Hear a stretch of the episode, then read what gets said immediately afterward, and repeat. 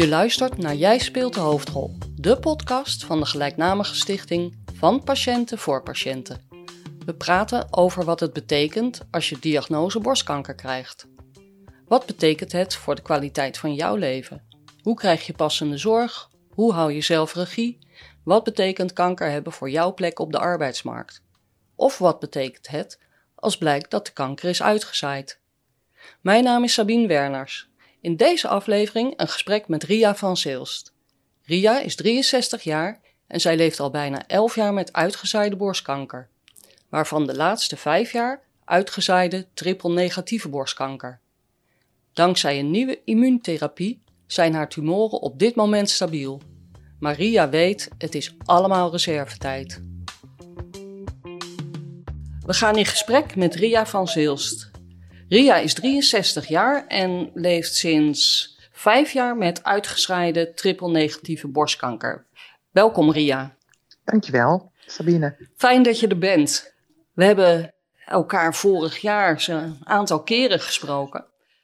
Uh, voor het borstkankersymposium en voor een interview wat je hebt gegeven voor de metro.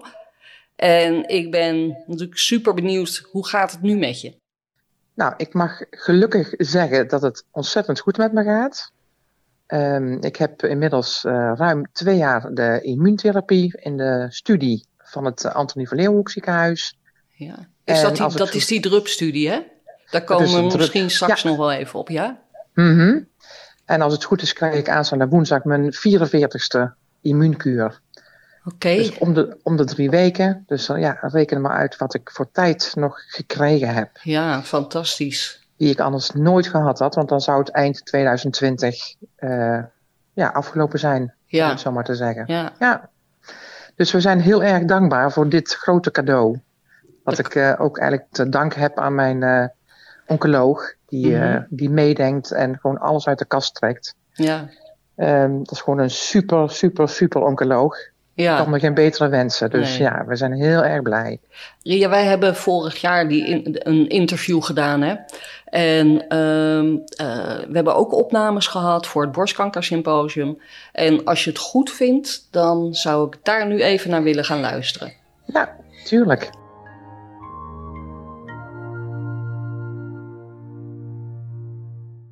Tien jaar geleden precies kreeg ik uh, borstkanker. Uh, direct uitgezaaid in uh, diverse botten. Uh, in beide heupen, beide bovenbenen, borstbeen en rib. zes jaar heb ik hormoontherapieën gekregen, waar ik het redelijk goed mee deed. En na die zes jaar, dat is dus nu vier jaar geleden, kreeg ik uitgezaaide triple-negatieve borstkanker erbij. Die zes jaar heb je eigenlijk geleefd met uitgezaaide borstkanker. En dan denk je van nou, er, zijn nog, er ligt nog voldoende op de plank qua medicijnen. Dan krijg je de triple negatief uitgezaaid. En dat is eigenlijk, voelt het als de genadeslag. Want dan weet je van, er is niks meer behalve nog chemo. Um, en de prognose is heel erg slecht bij triple negatief uitgezaaid. Dan kom je in het gebied van uh, uh, uitslagen, onderzoeken... Um, in het ziekenhuis. De, als je een CT-scan hebt gehad en de bloed hebt laten onderzoeken, dan uh, moet je natuurlijk voor de uitslag naar je oncoloog. Nou, dat begin ik al een week van tevoren, ben ik daar al zenuwachtig voor natuurlijk. Hè, want je weet niet of het goed is, want je kunt je nog zo goed voelen. Maar daarbinnenin kan het helemaal fout zijn, of andersom. Dus die angst, die, ja, die is er gewoon, ook bij mijn man. He, want kan ik straks nog verder, krijg ik een goede uitslag en wat als? Dat is best wel een, uh, een hele lastige. En toen uh, heeft mijn oncoloog het uh, Antonie van Leeuwenhoek ziekenhuis benaderd. Die hebben mijn biopte die ik afgegeven had, vier jaar geleden of zes jaar geleden inmiddels. Die hebben ze onderzocht op DNA-kenmerken. En daar kwam uit dat ik een hele hoge mutatie, high mutational load noemen ze dat, had. Dus heel veel verschillende mutaties uh, in dat biop of in die DNA. En dat immuuntherapie misschien iets voor mij zou kunnen betekenen. En ik ben via mijn oncoloog dus uh, bij het Antonie van Leeuwenhoek gekomen. Ben in de studie gegaan, de DRUP-studie. Daar zit ik nu in. En heb nu al bijna twee jaar immuuntherapie die verbluffend goed aanslaat. Uh, mijn leven is denk ik wel heel erg veranderd in het uh, voelen van dingen, in het uh, ervaren van dingen, het zien van dingen. Je kijkt een heel andere kijk op je leven. Um, ik word nu heel blij van twee roodbosjes die gisteren in de boom zaten. Van een merel die, die zingt, van dat je s'morgens wakker wordt en de zon ziet schijnen. Het zijn allemaal hele kleine dingen, maar wel de meest waardevolle. En uh, als je dan op televisie al die ellende ziet, en uh, dan denk ik van ja, wil ik dit allemaal nog wel weten? Ik krijg hier alleen maar stress van en het is allemaal negatief. En uh, dan ga je je toch concentreren op andere dingen, en, maar wordt ook je wereld wat kleiner. Hè, mijn man, de kinderen van mijn zus, de katten die hier ronddartelen, je tuin waar je in werkt, noem maar op. Dat, dat zijn gewoon hele belangrijke dingen nu. Daar geniet ik heel erg van.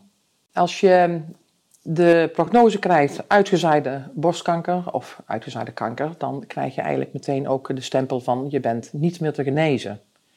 Oftewel, uh, je, bent, uh, je wordt palliatief behandeld. En toen ik de eerste keer dat woord hoorde, toen dacht ik van, palliatief?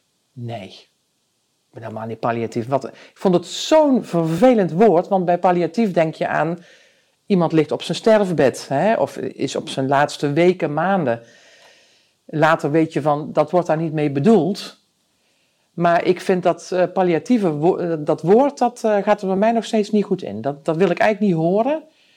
Ik heb zoiets van, dat komt wel. Als ik straks echt ziek word, ik krijg pijn, ik word bedlegerig.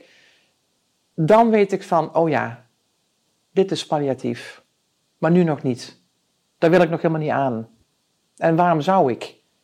Als ik me nog goed voel en ik kan nog genieten van dingen en ik kan nog heel veel dingen, dan ga ik daar nog niet, uh, niet te veel over uh, denken. En, maar ik weet wel dat het eraan komt. Ik ben wel heel vrij snel in het begin, toen ik uitgezaaide borstkanker kreeg, heb ik een groep samen met een lotgenootje opgezet voor uitgezaaide borstkankerlotgenoten daar komen heel veel vrouwen op af, want je wilt met elkaar praten over je, hè, je ze willen steun hebben van elkaar, eh, ook over medicijnen, nieuwe behandelingen. En dan komt de triple negatieve uitgezaaide borstkanker. En dan is daar helemaal niks voor. Dan kun je op Facebook niks vinden. En toen dacht ik, dan ga ik zelf een groep uh, opzetten voor die vrouwen. En dat, uh, dat is een hele hechte, warme groep, waarin je ook alles kunt zeggen. En daar speelt natuurlijk vooral angst in, hè, en, uh, ook, maar ook nieuwe medicijnen, informatie, second opinions, noem maar op. Uh, er zitten ook alleen maar lotgenootjes in, geen zorginstanties, geen partners, geen familieleden. En ik dacht toen dat is nodig en dat blijkt ook wel nodig. En ook, ook heel fijn te zijn. De eerste voor uitgezaaide borstkanker, die heet uitgezaaide borstkanker lotgenoten. En de groep voor de triple negatief uitgezaaid, die heet Uitgezaaide triple negatieve borstkanker lotgenoten. Uh, waar ik me op het moment aan optrek, dat, is, uh, dat zijn vooral de kinderen van mijn zus, hè, die mij ook steunen. Hè, en ook, uh, die zijn ook heel positief. En die, aan mijn man natuurlijk. Um, aan mijn oncoloog, daar trek ik me ook heel erg aan op, want uh, zij uh, is voor mij het, uh, het allerbelangrijkste in, in deze weg van, van uitgezaaide borstkanker. Dus denk ik wel heel belangrijk om toch nog iets te hebben ja, waar je hoop uit kunt putten. Niet van het is nu afgelopen, ga maar naar huis, je bent uitbehandeld. Het is heel fijn dat je weet van er is nog iets. Nou Ria, nu ik dit weer allemaal terughoor, weet ik ook wel weer hoe Um, hoe het binnenkwam ook tijdens het borstkankersymposium met, een, met een zaal met mensen die eigenlijk ook allemaal het, dezelfde diagnose als jij hebben. Mm um, kun, jij, kun je misschien nog eens, want we, we vielen er eigenlijk hè, middenin. Kun jij aangeven wat nou precies het verschil is van die triple negatieve borstkanker met andere borstkankers? Ja, ik begon natuurlijk uh, of bijna elf jaar geleden met uh, uitgezaaide borstkanker, uh, hormoongevoelige borstkanker. Dan weet je, nou, er zijn nog een heel aantal uh, hormoontherapieën die je kunt krijgen. En je prognose is natuurlijk ja, niet echt heel goed, maar ze kunnen tegenwoordig zoveel dat ze toch al wel snel een jaar of tien je leven kunnen, ja, rekken is een beetje een, een vreemd woord, mm. maar dat je dat toch wel zou kunnen halen. Ehm, na zes jaar hormoongevoelige borstkanker uitgezaaid in de botten, kwam daar de triple negatieve uitgezaaide borstkanker bij. Uh, die tumor werd in een andere borst gevonden. Uh, ze hebben toen een, uh, op mijn hoofdhuid zat een soort krater. Daar hebben ze een biopt oh. uitgenomen. En daaruit bleek dat het ook borstkanker was, maar wel triple negatief. Die tevens in mijn hals-lymfeklieren zaten. Op mijn hoofdhuid dus. en in mijn long. Oké, okay, dus het waren eigenlijk, kreeg je al meteen uitgezaaid daarbij? Ja, ja die waren inderdaad uitgezaaid. Met de hoofdhuid, hals en long. Uh, en dan ga je zoeken natuurlijk, hè, wat is dan triple negatief precies? Ja, ja. Hè, nou, daar werkt dus eigenlijk niets op, behalve chemo. Oké. Okay. Um, die kreeg ik dus ook uh, vijf jaar geleden. Alle chemo's, Taxol, de, de AC-kuren. Ja. Uh, in het begin ook de pillen trouwens ook. Maar telkens toch weer progressie, hè, dus weer groei van de tumoren en uh, de tumormarker die constant weer ging stijgen. Nou ja, goed, en dan op een gegeven moment dan ben je klaar. Mm -hmm. En dan is het van nou, je hebt alle uh, mogelijke chemokuren gehad. En dat was in 2020. Totdat ik, uh, mijn, of mijn oncoloog, die had in mei al contact opgenomen met Antonie van Leeuwenhoek om te vragen of ik in de drupstudie zou kunnen. Ja. en ik had natuurlijk ook biopten al afgegeven. Ja, want hoe zat dat precies met die biopten? Ja, die heb ik een uh, jaar of, ik denk inmiddels een jaar of zeven geleden afgegeven voor de wetenschap. Oké. Okay. Uh, dat had mijn oncoloog gevraagd, wil je dat doen? dat is eigenlijk dus gewoon om daar een databank voor op te bouwen van biopten en dat ze ook kunnen zien of kunnen kijken van wat werkt daar nou op, hè? dus buiten mm -hmm. het menselijk lichaam. Natuurlijk wil ik dat doen. Dus dat stond eigenlijk nog helemaal los van het feit dat je later de diagnose uh, triple negatief kreeg. Ja, klopt okay. helemaal. Dus dat geluk had ik dat ik daaraan mee had gedaan. Mm -hmm. Want eind, 20, eind 2020 konden ze dus die biopte nog een keer uh, bekijken. En daar vonden ze dus een eiwit in, hè, wat, uh, waarbij een immuuntherapie wel eens heel goed aan zou kunnen slaan. Oké. Okay. Um, dus ik ben eind 2020 heeft uh, mijn oncoloog ervoor gezorgd dat ik uh, via het Antonie van Leeuwenhoek uh, pembrolizumab kreeg, de immuunkuur. Ja. Eén keer in de drie weken. de eerste toediening was in oktober 2020. En na een week voelde ik al van, wee, wordt die tumor nou kleiner in mijn hals? Er zat een, een, een tumor in ter grootte van een pingpongbal. Ja. Ik denk, nou, dat kan niet. Dus ik had het ook niet tegen mijn man gezegd. Nee. En weer een week later, ik denk, ja, hij wordt echt kleiner. En toen zei ik tegen mijn man, kijk dan. Hij zegt, ja. Ja. Nou, en de week daarna kreeg ik mijn tweede kuur. En die tumor was niet meer te zien in mijn hals. Jee, dus mijn oncoloog zei ook, ja, dit is gewoon echt verbluffend. Ja. Dit, dit, dit. Ja. En wij hadden echt zoiets van, wat gebeurt hier? Want je gaat eigenlijk van je begrafenis regelen, hè, eind Ja. 2020 krijg je in één keer weer leven. Ja. Je krijgt er in één keer weer iets bij van. Nou ja, goed, en dat is natuurlijk, ja, dat is geweldig. Ja, Dus, dat kan ik eh, me voorstellen. En dat moet natuurlijk hebben. We spreken wel vaker over um, als iemand borstkanker krijgt, dat je dan een soort, in een soort rollercoaster terechtkomt. Maar dit is een uh, rollercoaster 3.0. Ja, zoiets. Ja. Hey, Ja, en, ja, ja. ehm, je zei net van dat je uh, de eerste week het nog niet met je man uh, erover gehad had.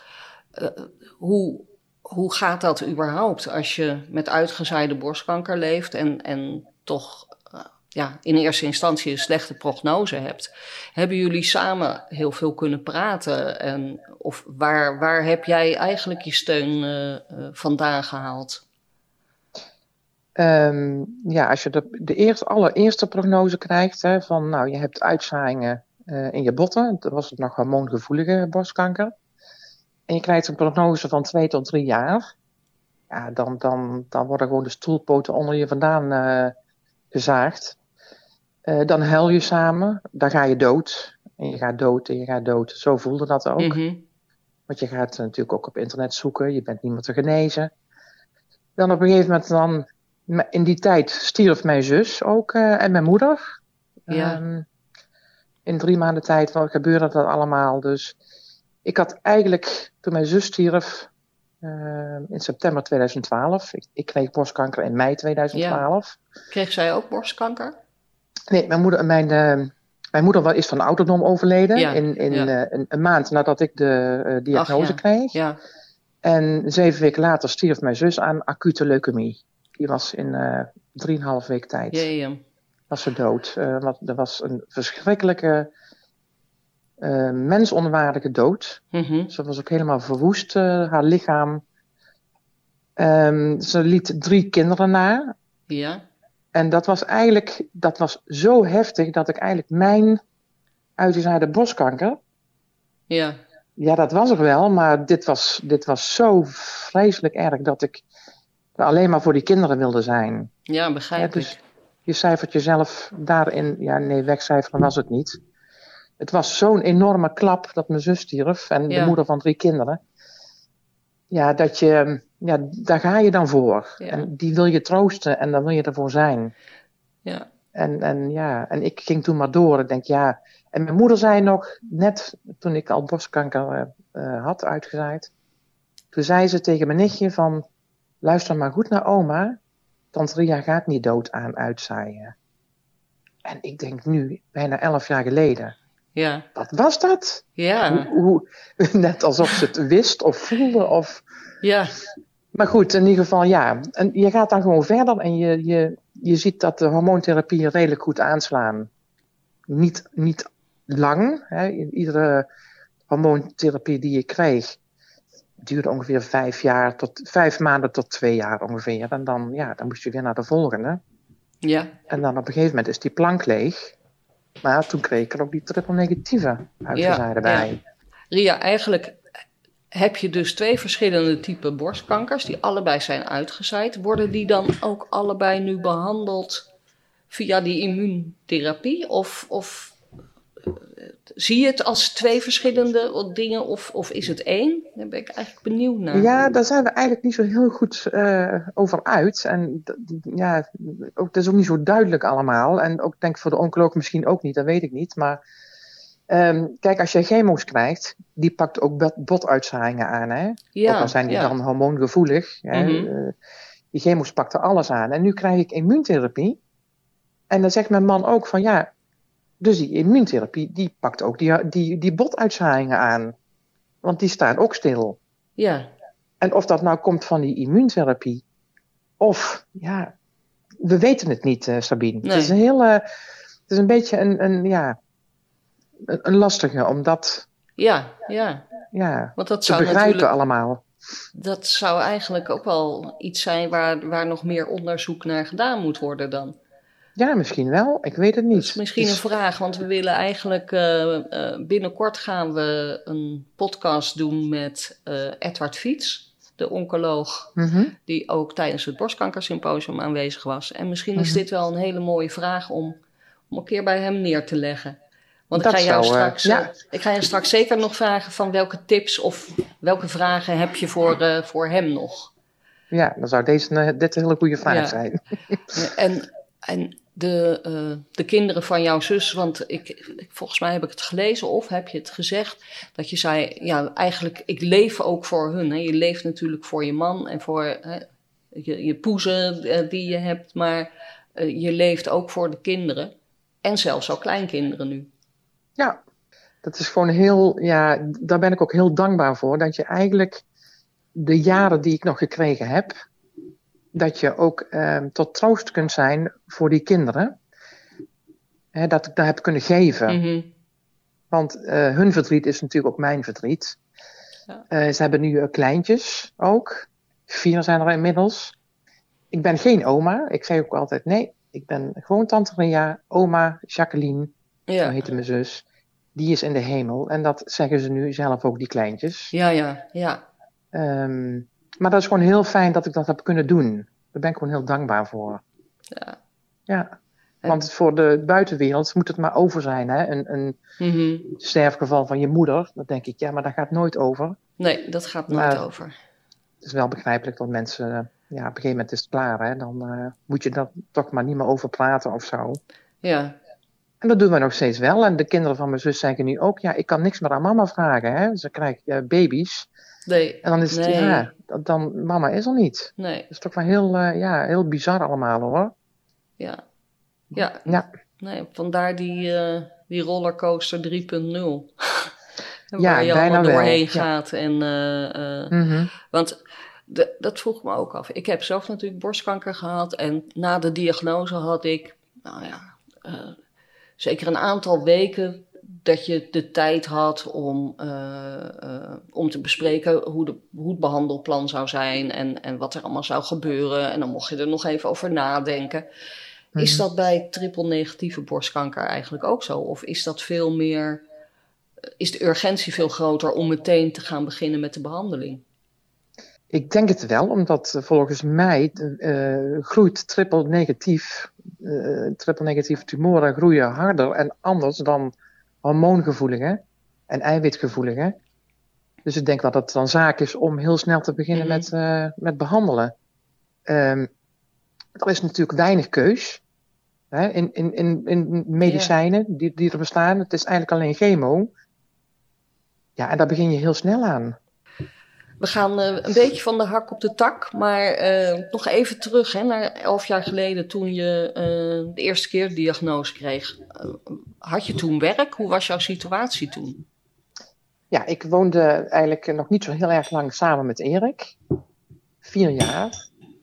Um, toen, ik had een knobbel in mijn borst en toen ik ben er een jaar mee blijven lopen. Niet zo slim. Uh, toen kwam ik bij de huisarts en die, uh, die zei van, nou, als dit geen borstkanker is, dan ben ik gek. Dat waren haar letterlijke woorden. Oké. Okay. En toen zei ze, je gaat morgen naar het ziekenhuis. Ik zeg, nee, ik, ik, ik ga niet naar het ziekenhuis, ik moet morgen werken. Het was ontzettend druk ook in die tijd en ik werkte fulltime. Ja. Ze zegt, uh, hoe kom je daarbij? Ik zeg, nou, dat moet gewoon. Maar dat was natuurlijk niet, want je, je krijgt een bericht wat eigenlijk nog niet doordringt. Nee, je, dat is, ja. Dat zul jij ook weten. Ja. Nou, en dan ga je naar huis en de, Erik was niet thuis. Nou, die komt thuis en uh, ja, dan is het huilen, hè, van ja, ik heb borstkanker en nu ga ik dood. En uh, ja, dat, dat, dat krijg je zo, ja, dan raak je zo verward helemaal. Nou ja, goed, en de volgende dag was ook in het ziekenhuis en uh, kreeg na de mammografie meteen een, een biopt. Ja. En de radioloog die ja, die nam de biopt en die, uh, de naald die, uh, trok, die brak eigenlijk, nou ja, hij brak niet, maar hij trok krom. Mm -hmm. Zo hard was die tumor in mijn borst inmiddels. Maar in het, op de borstbeen zat ook een tumor, een kleinere. En die is uitgezaaid. Dat hoorde dus later. Oké. Okay. En uh, er was, waren uitzaaiingen in de botten. Ja, ja. En dat hoorde ik op vrijdagmiddag om vijf uur van de chirurg. Ja, dat was ook heel, heel bizar. Ja. Oh, zegt hij, ja, uitzaaiingen in de botten. Oh, en ik zie ook iets in de lever. Maar goed, dat wordt dan wel besproken met de oncoloog. Nou, dan ga je het weekend nou. in en dan denk je van, nou, dit was het dan. Ja, ja. Hè? Ik ga dood. Maar op En- die manier, ja, ik vraag me Ja, af het was heel bizar. Dat is, dat is toch eigenlijk. Heb je het daar nog later ook over gehad? Wat dat met jou gedaan heeft? Dat je dan weggestuurd wordt met zo'n boodschap en eigenlijk, nou ja, niet begeleid of zo wordt. Nee, nee hoor. Nee, ik moest naar de chirurg natuurlijk hè, voor de afspraak van, nou, wil jij een eh, reconstructie, een borstreconstructie Ja. of wat wil je? Ik zeg, nee, gewoon eraf. Ja. heel cru, want eh, dat moet weg, die tumor. Ja. Oh, zegt hij, dat is goed, want dan duurt het allemaal niet zo lang. Hè? Dan heb je ook geen plastische chirurgie nodig. En, eh, maar ik had niet zoiets van, ja, ik ga dat tegen hem zeggen. Ik, eh, Nee, Dat dacht ik ook eigenlijk helemaal niet aan op dat moment. nee. Later denk je, ja, dat klonk eigenlijk toch wel heel erg cru zo. Vrijdagmiddag om vijf ja. uur. Hè? Ja, ja. Nou ja, goed. We hopen dat. eh, en het, vaak zijn het natuurlijk mensen die het ook druk hebben. En, Maar Ja, goed, er gebeuren, Ja. dit soort dingen ge- gebeuren wel eens. En dan eh, ja, Ja, is dat wel ik, heel eh, zuur om dat er nog bij te krijgen. Want in feite, hè, met dat werk, hoe reageerde jouw werkgever daarop? Want zelf ja, had je zoiets, het kan niet, maar nee, nou, ik, eh, ik ben er met mijn man naar mijn werk toe gereden. Eh, ik heb mijn baas gebeld, die kwam naar buiten. En ik zei tegen hem, nou, ik heb borstkanker en eh, ik moet geopereerd worden. En ik was natuurlijk nog helemaal vol van het overlijden van mijn zus. Of, hè, nee, dat was toen nog niet trouwens, dat kwam later pas. Het overlijden van mijn moeder kwam er toen daarna aan. Maar mijn baas die zei tegen mij heel, heel dat vond ik heel vreemd, dat hoor ik nog steeds. Van, hoe kun je daar zo over praten? Ik zeg, ja, wat moet ik dan zeggen? Dat het griep is of zo? Ik, Ja, ik, ik heb borstkanker, punt. Ja, ik kan er niks anders van maken. nee. Nou ja, goed, en later dan ga je naar je werk toe en dan, eh, ja, dan krijg je natuurlijk heel veel kaarten. En eh, er zijn ook mensen die ontwijken, hè, want die, eh, Mhm. die weten niet wat ze moeten zeggen. Collega's, ja. Ja, collega's, maar heel veel collega's ook wel. En ik, ik kon er gewoon blijven werken. Maar ik ben, ben er wel een tijdje uit geweest hoor. Want Dat kan ik me voorstellen, ja. Ja. Je hebt niet meteen toen je het hoorde ook gezegd van en dan ben ik, blijf ik nu thuis. Wat natuurlijk ook helemaal niet hoeft. ehm, ik ben wel thuis gebleven. Eh, de operatie, ik was natuurlijk geopereerd, hè, borstamputatie. Eh, ook de, de, een oxokliertoilet, hè, waarbij Mhm, alle ja. lymfeklieren worden weggehaald. Dus ik voelde me, wat dat betreft, kon ik eigenlijk ook weinig. Dus ik ben wel thuis gebleven. Ja, en toen ging mijn zus dood. Ja, Eerst mijn moeder, ja, eh, in juni, dus een maand later. ja, En zeven weken na mijn moeder stierf mijn zus. Dus ja, toen was het voor mij eigenlijk. ja. Toen was ik zo helemaal in de war van alles. En ehm, ja, Dat kan ik me voorstellen. ik kon je- toen echt niet werken. Dat, Nee. eh, dus En- ik ben toen eigenlijk ehm, in de VIA gegaan op dat moment. Ehm, Een vervroegde later. via eigenlijk. ja, en toen in de IVA. Hè, Ja. Want daar kom je dan in als je echt ongeneeslijk ziek bent. Ja, En toen mocht ik wel nog twee dagen per week gaan werken. En dat heb ik ook gedaan. oké. ik vond fulltime, dacht ik van nee, dat ga ik niet doen. Want mijn leven wordt nu anders. Ik moet mijn leven ook anders in gaan richten in plaats van fulltime werken. Mhm. Moet ik ook dingen gaan doen die er echt toe doen. Hè? Dus Ja. ja. ja. Dus dat heb ik ook gedaan een aantal jaren, dat ik gewoon twee dagen werkte. En dat Ja. was prima. En als je het hebt hè, over dingen die er echt toe doen. Wat, wat zijn dat voor dingen die er dan nu voor jou echt toe doen? Dat is mijn man op de eerste plaats. Die steunt mij echt door dik en dun. Die laat alles uit zijn handen vallen. Alles voor mij. Dat is ongelooflijk, want je hoort het ook vaak anders. Hè, dat een man Mhm. bij een vrouw weggaat. Dat vind ik heel afschuwelijk. Ja, Ehm, maar hij steunt me echt in alles. Ik moet wel zeggen, hij vindt het heel fijn dat ik heel positief ben. Kijk, ik weet dat ik niet lang meer heb. Maar ja, we genieten samen. Ik geniet van onze katten. Ik geniet van, van de natuur. Eén keer in de drie weken ga ik naar het ziekenhuis voor de immuunkuur. En dan zeg ik, ik kom een cadeautje weer halen. Hè, want het is gewoon Ja. een cadeau voor mij. Iedere drie weken opnieuw. En dan de kinderen van mijn zus natuurlijk. Ja. Dat, en mijn broer woont nog eh, in, eh, vlak bij mij. Dus de wereld wordt wel een stuk kleiner. ja, Hè, met je familie en een paar goede vrienden. Maar daar geniet ik van. En dat is wat er gewoon toe doet. ja, En ik En- heb een heel fijn leven. Ik bedoel, ja, ja, toch. ja, dat is mooi. Want jij hebt wel contact nog met andere eh, patiënten die eh, eh, te maken hebben met uitgezaaide triple-negatieve borstkanker. Hè? En je hebt daar Ja. zelfs een eigen eh, Facebookgroep voor opgericht. Ja, we zijn begonnen eh, een jaar of zeven geleden, zes geleden of zeven, met een, eh, een Facebookgroep uitgezaaide borstkankerlotgenoten. Dus voor, voor de uitgezaaide borstkanker. En toen ik eh, vijf jaar geleden triple negatief uitgezaaid kreeg, toen was daar eigenlijk niks voor. En toen heb ik een eh, groep opgezet voor eh, die lotgenootjes met eh uitgezaaide triple negatieve Ja. borstkanker. En dat is toch wel een, een hele heftige groep, omdat het veelal jonge vrouwen zijn Ja, met kleine kinderen, waarbij die kanker zo om zich heen slaat. Dat is zo, ja, dat is gewoon hartverscheurend en zo, Ja. zo niet eerlijk. Ja, dat is, eh, dat is gewoon heel heftig. En zijn er ook dan vrouwen die jij wel kan helpen of die je advies kan geven? Ehm, Nou, weet je wat is? Eh, we helpen elkaar. Hè? Je steunt elkaar. Ja. ehm, je geeft elkaar soms adviezen, maar ook over nieuwe eh, medicatie die er aankomt. Hè? Of Mhm. nieuwe immuuntherapie of wat dan ook. Daarin, ehm, ja, daarin praat je met elkaar. want is dat inderdaad wel informatie die jullie ook krijgen? Je krijgt eigenlijk veel te weinig informatie, vind ik. Je moet het allemaal zelf maar zoeken. Ja, En dat doe ik ook. Maar er komt volgens mij wel binnenkort een, ehm, ja, een, een patiëntenpanel is er geweest. Om te kijken wat heeft een patiënt met triple negatieve uitgezaaide kanker nu nodig. ja. Want tijd hebben we niet. Mhm. Je, je, als ik nu stop met deze medicatie, Ja, Nou, dan weet ik gewoon dat het heel snel eh, voorbij is voor mij. ja, Dat gebeurt ook in onze groep, helaas. ja, Dus er is nog zo weinig voor triple negatief uitgezaaid. Daar kun je Mhm. het geen tien jaar mee meer uithouden. nee, Met, met de medicatie. Want dat is alleen maar chemo. Of dan inderdaad die immuuntherapie. En Ja. dat moet dan ook nog, moet je ook nog eens een keer goede eiwitten hebben in je DNA. ja, ja, Want anders slaat het niet eens aan. nee, Dus dat, ja, dat, sommige vrouwen hebben dat geluk, waaronder ik. ja, Hè, en sommige vrouwen niet. nee. En dan Dus denk je je, moet van, ook vaak afscheid nemen van, eh, eh, van vrouwen Ja. in de groep. dat Dat gebeurt is eh, natuurlijk ook zwaar. te vaak. Ja, Ja, ja. ja, ik kan me voorstellen. Mhm. Ehm, want in feite leef je toch een stukje tussen hoop en vrees. Ja altijd. Ja, er gaat geen dag voorbij dat je niet aan de dood denkt. Nee, Of dat je denkt van, oh wacht even. Zie ik die boom nog eh, zijn blad krijgen? Mhm. Zie, kom ik nog, hè, maak ik de lente mee, de zomer mee? Wat gebeurt er dan? Hè? En, ja, en wanneer is het mijn tijd dan? ja, Blijft die immuuntherapie werken? Dat speelt allemaal heel vaak door je hoofd. En dat wil niet zeggen dat je geen fijn leven hebt, maar dat is er wel altijd. ja, ja. En soms vergeet ik het ook hoor. Soms heb ik ook zoiets van: oh ja, ik heb eh, triple negatief uitgezaaid. Oeh.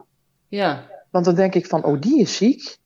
En dan denk ik: ja, maar dat ben ik zelf ook. ja, ja, ja, Hè, dat, dat, is ook nog, maar als je je goed voelt en je hebt geen pijn, dan kun je het ook, ehm, ja, dan kun je het ook regelmatig Ja. vergeten even. ja. Want heb jij pijn? Nee, nee. Ik voel me heel erg goed. Ja, Dus daar mag ik van geluk spreken dat dat zo is. Maar ik denk wel, als je pijn hebt, dan, dan kost je zoveel negatieve energie. ja, En dan wordt alles natuurlijk, dan ga je nadenken en malen en ja, Ja. en wat nu? En ja. Ja. Invulling van je leven wordt dan toch ook anders, denk ik. ja, zeker. Denk dat, dat je dan ook eh, heel erg beperkt wordt in wat je nog kunt. Ja, en wilt. En ik kan eigenlijk alles nog. En daar ben ik heel, heel dankbaar voor natuurlijk. en Ria, dat biopt, ehm, hoe, hoe heet die organisatie waar je dat toen naartoe gestuurd hebt? Of wa- waar jouw oncoloog dat naartoe gestuurd heeft? Dat is de Hartweg Foundation.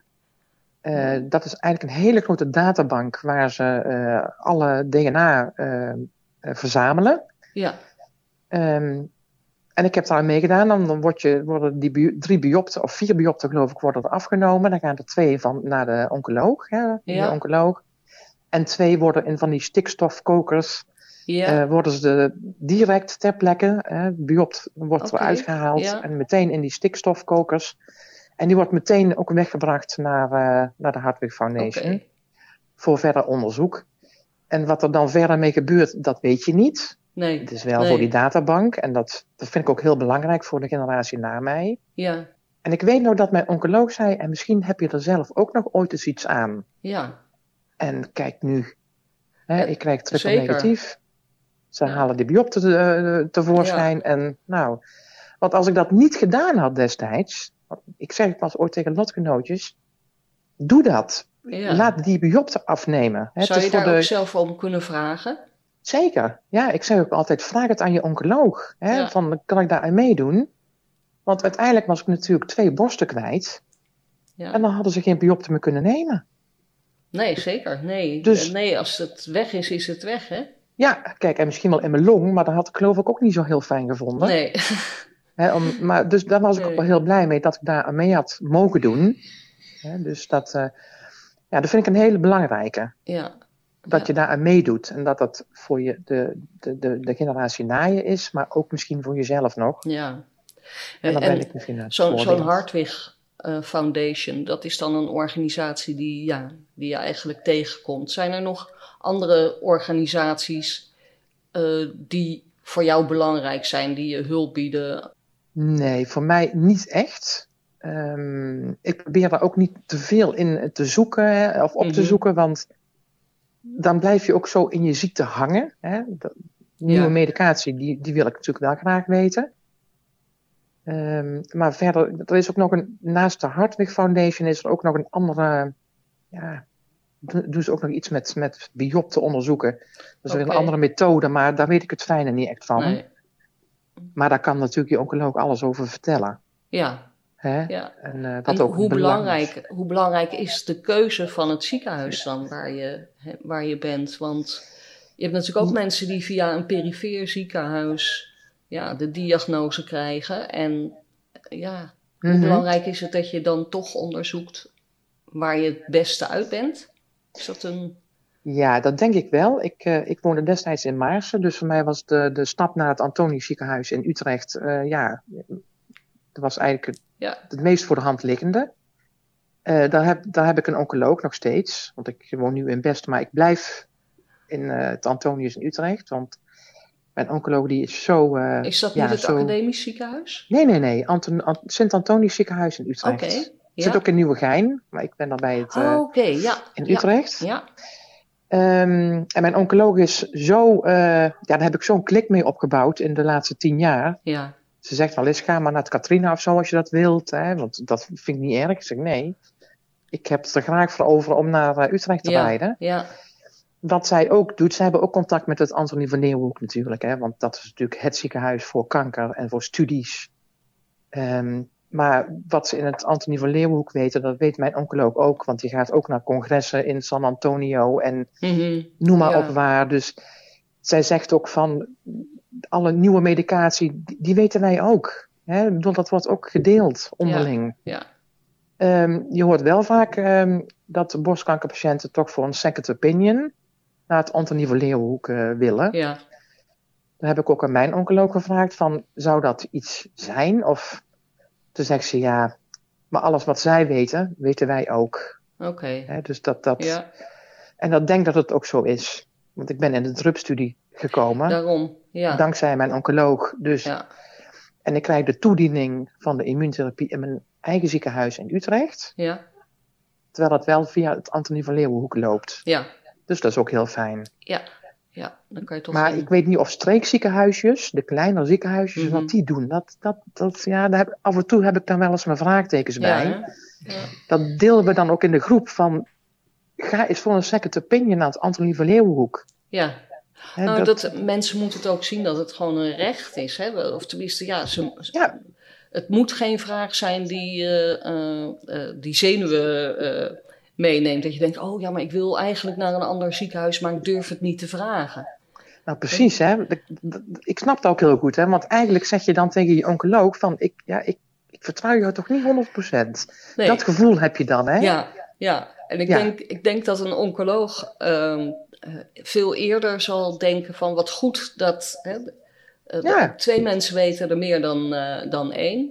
Mhm. En er is natuurlijk heel vaak al overleg met andere oncologen uit andere ziekenhuizen of zo. Als het Ja. een, eh, dat is zo. Zeker. Maar ehm, ja, vanuit de stichting zeggen we ook altijd: doe het gewoon. Want ja. Hè? ja, zeker. Bij twijfel altijd doen. Ja, ja. Ja, zeker. Ehm, Ria, in, het gesprek wat we vorig jaar hadden, eh, reageerde jij ehm, eh, toen we het hadden over palliatieve zorg. Toen had je zoiets, ja, maar dat is, niet, eh, dat is nog niet voor mij.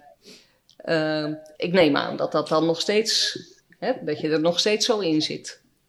Ja, inderdaad. Ik, ik weet wel dat ik, als het moment daar is, dat ik palliatieve sedatie wil.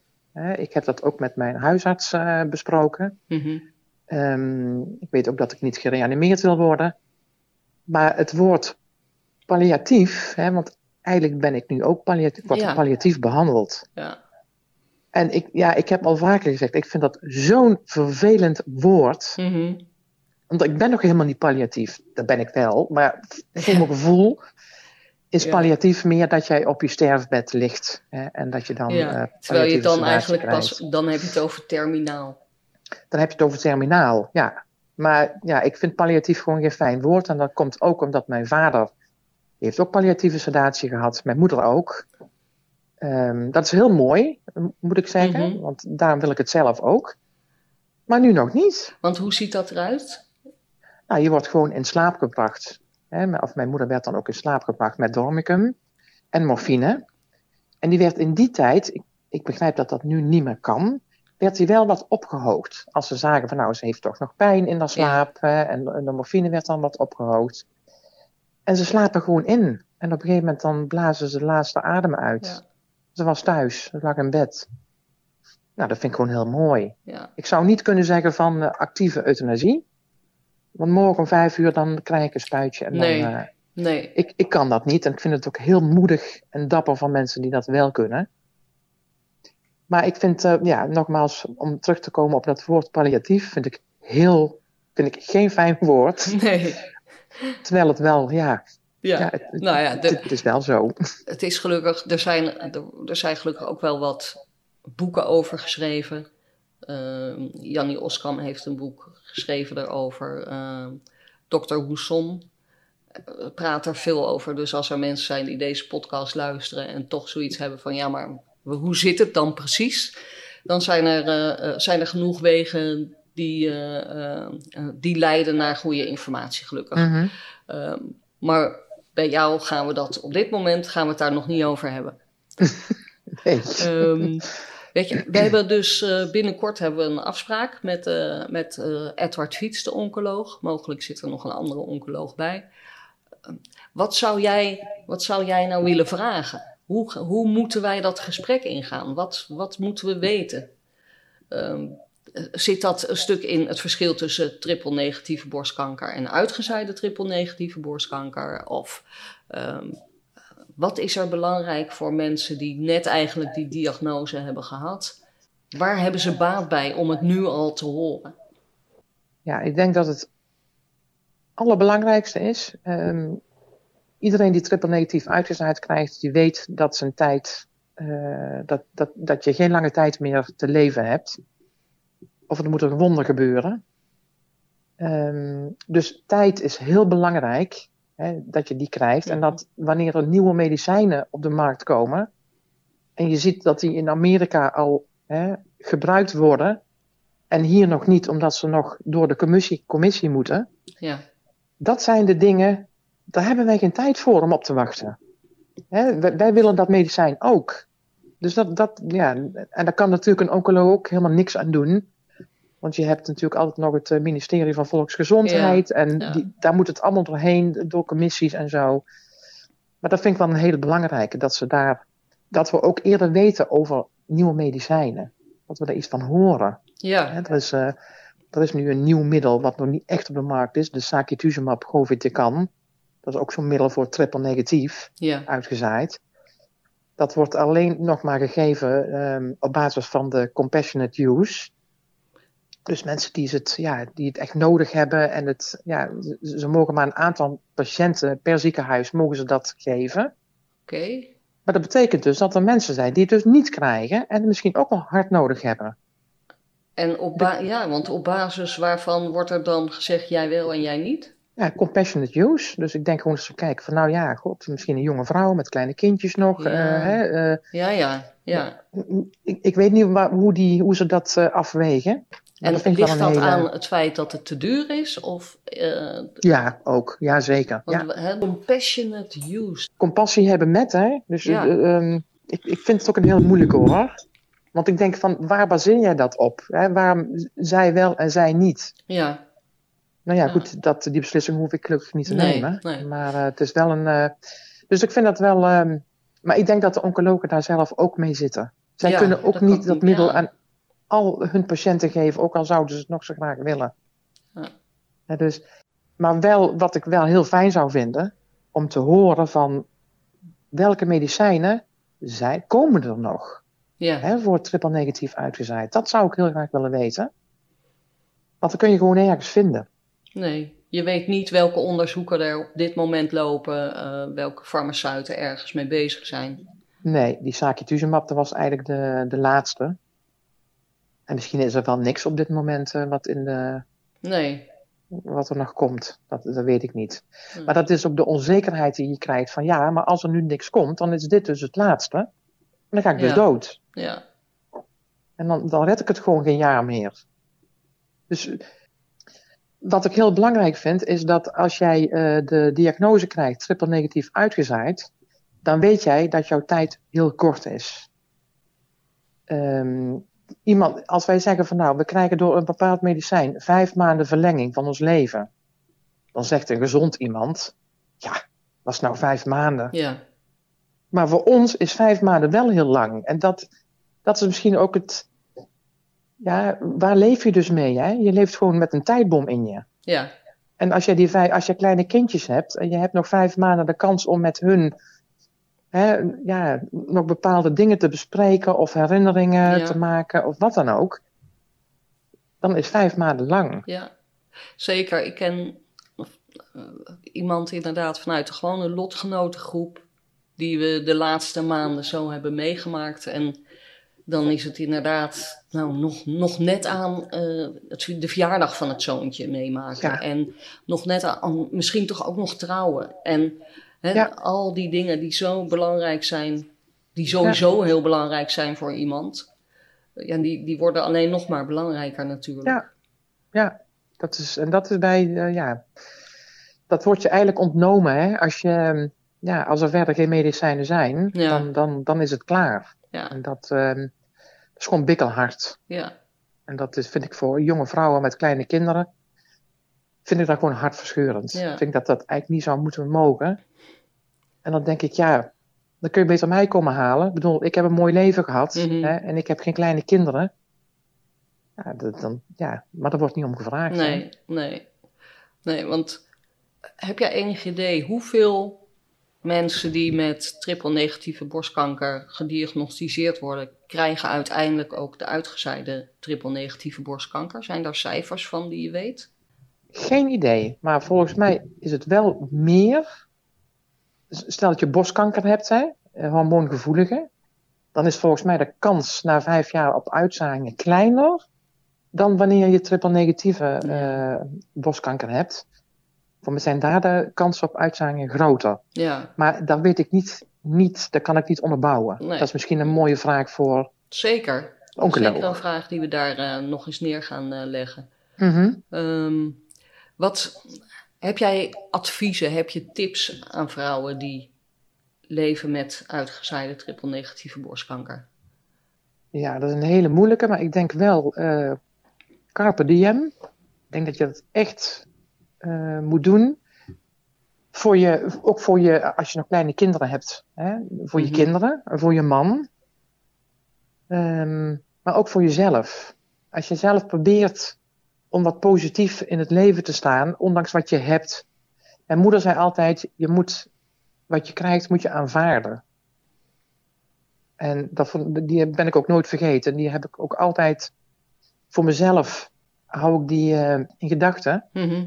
Ik aanvaard wat ik heb. En ik probeer het mooie nog uit het leven te halen wat er is. Ik kan ook heel blij zijn. Hè? En ik kan ook heel eh, dankbaar zijn. En, eh, en als ik mijn oncoloog zie en ik heb weer goed nieuws, nou, dan springen we een gat in de lucht op de gang. Ja, Ehm, maar als je inderdaad ehm, negatieve gedachten gaat, te veel gaat inzetten, dan Mhm. denk ik niet dat dat goed voor je is. Dat je dan Ja. een beetje in een neerwaartse spiraal gaat. Maar wat ik straks al zei, als je lichamelijke pijn hebt, ja, dan Ja. is dat heel lastig, hè? want dan kan ik het allemaal wel zeggen. Mhm. Van je moet positief zijn, maar dan Ja. wordt het natuurlijk wel een heel ander verhaal. ja. Wat, Maar echt tips, ik weet het niet. eh. nee. Kun, jij, ehm, kun jij op dit moment bijvoorbeeld ook gewoon nog op de fiets stappen? eh, Of een Ja. flinke leuke boswandeling maken? Of, Ja, dus Kan dat in die zin nog, ben jij nog fit genoeg ja, om dat te doen? Ja, we gaan gewoon eh, anderhalf uur wandelen. We- Ik werk heerlijk in de tuin. we gaan fietsen, zeilen. ehm, ja, Ja. En dat kan ik gelukkig ook allemaal nog. Mhm. Ja. Dus dat, eh, en je moet wel voorzichtig zijn. Ik bedoel, ik ben ook eh, op mijn eh, heupen, op beide heupen, twee keer of beide heupen bestraald. Ja. Hè, doordat Oh, ja. tumor door de heupkom heen ingroeide. ja. En de heupkop daar bijna doorheen brak. Dus ik heb ook weken op krukken gelopen. En, en ik hoor mijn oncoloog nog zeggen van... ja, je moet niet meer van je, van je fiets afspringen of zo. Dat soort ja. gekke dingen. Ja, ja. Nou, dat stemmetje hoor je ook altijd. Ja. Nou, dat doe ik dus ook niet. Denk, ja, je moet ook, eh, je moet ook voorzichtig zijn. ja. Hè? En niet denken van alles kan dan weer. Dus er komt eigenlijk ook steeds wel een nieuw normaal. Ja, Ja, zo- ja dat moet zeg je je soms mooi. zo nu en dan even wat aanpassen. Ja. En dat wil helemaal niet zeggen dat je dan, eh, dat je dan zegt van, jee, nou kan ik daar ook al niet meer. Nou ja, goed, Nee. van de fiets springen, ik vind het niet zo belangrijk. Ja, Maar je, je ja, misschien, net zeg je mooi, ja, het nieuwe normaal. ja, Ja. En je gaat ook anders in het leven staan, denk ik. Ehm, ik denk dat je meer liefde voelt ook. Mhm. Eh, voor, voor alles. Voor de mensen, voor, voor, voor, voor de natuur, de dieren. ja. Ja, ik kan dat niet heel goed omschrijven, maar je, je gaat wel anders denken als je, als je ongeneeslijk ziek bent. ja. Dan wordt het allemaal wel, ehm, ja, Sommige dingen worden misschien wat onbelangrijker. ja, zeker. Ja. Alhoewel ik me ook er wel eens op betrap toen ik net eh, die eh, uitgezaaide borstkanker kreeg van, waar hebben mensen het over? Hè? Al die kleine dingen, zeur niet zo. Mhm. Ja, Maar dan, na verloop van tijd, dan betrapte ik me er zelf op van, oh ja, zie je wel, nou doe ik het zelf ook weer. dus Ja. het nieuwe normaal, hè? Ja. Dus, ja dat, eh, dat wel. En dat is misschien maar goed ook. ja. Maar, maar het wordt wel anders. Je kijkt wel anders tegen het leven aan. Mhm. En je ziet ook de eindigheid van het leven. ja. En zijn er nog worstelingen? Ja, voor mij is een, de enige worsteling die ik heb, is ehm, waar ga ik dood? En hoe doe ik dat dan? En dat klinkt misschien heel stom. Dan denk ik, ja, al die mensen zijn allemaal aan dood gegaan. Kan ik dat ook dan? Maar hoe moet dat dan? Mhm. Het is een hele, hele rare in mijn hoofd zo van, ja, maar ik kan toch niet zomaar stoppen met ademen? Hoe moet ik dat nou doen? Ja, Ja, klinkt heel stom. Maar dat is je voor mij wel... aan de knoppen zit eigenlijk, hè? Ja, dat vind ik, dat vind ik een hele. Dan denk ik, ja, stop maar. Ja, want dan, ja. eh, dan heb ik zoiets van, eh, dat komt dan wel. En ik heb een hele lieve huisarts. Ja, Die zegt ook van, bel me maar en ik eh, kom naar je toe. En dan komt het allemaal wel goed. Dus Ja. ik ga daar niet te veel over nadenken. nee. En ik zeg altijd van, ik heb het ook tegen de journalisten van de metro gezegd. Eh, een gezegde van, eh, neem het leven niet te serieus. Je overleeft het toch niet. Nee, Oftewel, we gaan allemaal dood. we gaan allemaal En- dood. Ja, En niemand weet hoe of wat. Ik ook niet. nee. En, En mijn wat- zus was 55 toen ze stierf. Ja, En ik ben inmiddels 63. denk ik, nou ja. Ja. Dat is mooi. Ik heb een mooi leven ja. gehad ook. En als je zegt, hè, die worsteling hebben we gehad, nu het tegenovergestelde van de worsteling. Wat is er op dit, wat, ja, wat heb je op dit moment in je leven waar, waar je eigenlijk van zegt, ja, dat, dat maakt me ook zo blij en gelukkig. En, Ja, dat zijn ook de kleine dingen weer. Hè? Een verjaardag van de familie, iemand van de familie. Of een feestje, of het mooie weer, de lente die eraan komt. Straks gaan we weer zeilen. Eh, ik zit in een, eh, in een koor, een heel groot projectkoor. Oh ja, Dan komt de Passion komt eraan. oh leuk. Ehm, in april. Waar, ja, daar kijk ik heel erg naar uit. Dat Mhm. is ontzettend leuk. Heb ik vier jaar geleden ook aan meegedaan. En ik zei pas geleden tegen mijn oncoloog van... Weet je nog, vier jaar geleden, dat ik zei van... Ik moet die passion halen, Ja, ja, want ik zou daar ook in piano spelen. Dat heb ik toen gehaald, vier jaar geleden. En nu zijn we al vier jaar verder. ja. Ik zeg, en er komt weer een passion aan. Ik zeg, en die moet ik ook halen. ja. Ik tegen haar. Dus ja, dat, dan denk je, jee, ik heb die vier jaar weer gekregen. Mhm. Nou, daar word ik gewoon heel blij van. ja. Dat zijn gewoon echt. eh, en, en een, een mooie uitslag, hè? Ieder drie maanden na de CT-scan, daar word ik ook heel blij Ja. van als dat allemaal goed is. En iedere drie weken ga ik naar het ziekenhuis en dan zegt iemand tegen mij van, eh, god, iedere drie weken naar het ziekenhuis, wat vind je daarvan? Ik zeg, nou, dat is voor mij gewoon thuiskomen. ja. Ik ken al die verpleegsters, ik heb daar ook vrijwilligerswerk gedaan. En gewoon thuiskomen en een eh, cadeautje halen. Ja, ja. Ja. Ik hoop dat we nog, eh, net zoals vorig jaar, dat we ook volgend jaar gewoon weer een, eh, een gesprek hebben. Of een interview, of iets anders. dat hoop ik ook. Ja, Maar ik wil je voor nu in ieder geval ontzettend bedanken voor je openhartigheid. En ehm, ja, ik wens je nog heel veel mooie dagen en een hele mooie zomer met veel, veel op het water zitten toe. ja. En, eh, Wens ik jou ook toe natuurlijk, hè? Ja, dankjewel Ria. En eh, Ja, en heel graag erg gedaan. bedankt. Graag gedaan, eh, Sabine.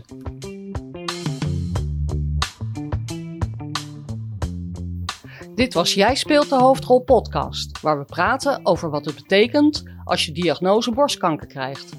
Wat het betekent voor de kwaliteit van je leven, hoe je passende zorg krijgt, zelfregie houdt of wat het betekent voor jouw plek op de arbeidsmarkt. Ik ben Sabine Werners en ik nodig je graag uit om te reageren op deze aflevering.